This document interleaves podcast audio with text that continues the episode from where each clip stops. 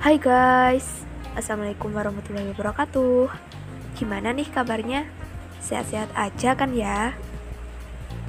Oke, balik lagi sama aku, Rizka Hanifah Febriana di pelajaran sejarah peminatan Di sini, aku akan menjelaskan tentang konflik yang terjadi di Yugoslavia serta gimana sih konflik tersebut dapat berakhir. Yugoslavia merupakan sebuah negara yang pernah ada di daerah Balkan di sebelah tenggara Eropa dari tahun 1918 sampai tahun 2003.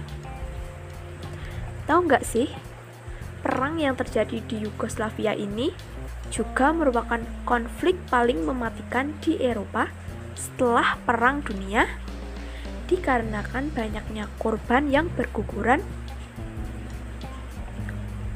Konflik ini bermula ketika Joseph Broz Tito berhenti memerintah dikarenakan meninggal dunia pada tanggal 8 Mei 1980. Tepatnya pada tahun 1981 terjadi sebuah demonstrasi di kota Pristina, Kosovo yang dilakukan oleh penduduk beretnis Albania yang menuntut adanya otonomi lebih di Yugoslavia. Liga Komunis Kosovo menyatakan demonstrasi tersebut merupakan produk dari nasionalisme Albania. Pihak Serbia pun berkeinginan untuk mengurangi kekuatan etnis Albania yang mengklaim etnik Serbia sedang didorong keluar dari provinsi Kosovo. Pada tahun 1989,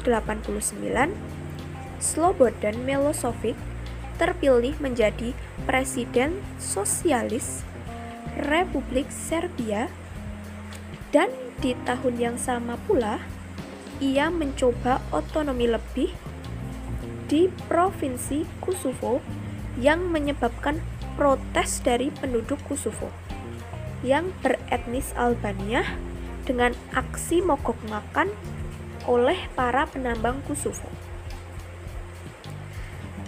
Serta sepanjang tahun 1980-an hingga 1990-an, perekonomian Yugoslavia mengalami krisis berkelanjutan akibat banyaknya hutang negara karena inflasi serta menyebabkan meningkatnya angka pengangguran di Yugoslavia.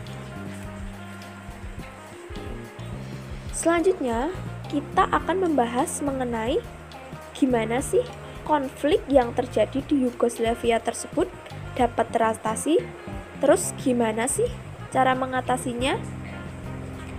Jadi, pihak-pihak yang terkait dalam Perang Bosnia setuju untuk berdamai dan perundingan pelaksanaan tersebut diadakan di Dayton, Amerika Serikat yang akhirnya disetujui oleh pemimpin ketiga negara yakni Bosnia, Serbia, dan Kroasia.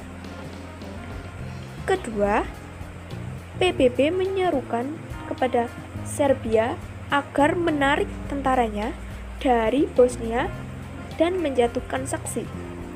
Yang ketiga, negara-negara G7 dalam pertemuannya di Texas, Amerika Serikat menyerukan penghentian aksi militer terhadap Kroasia.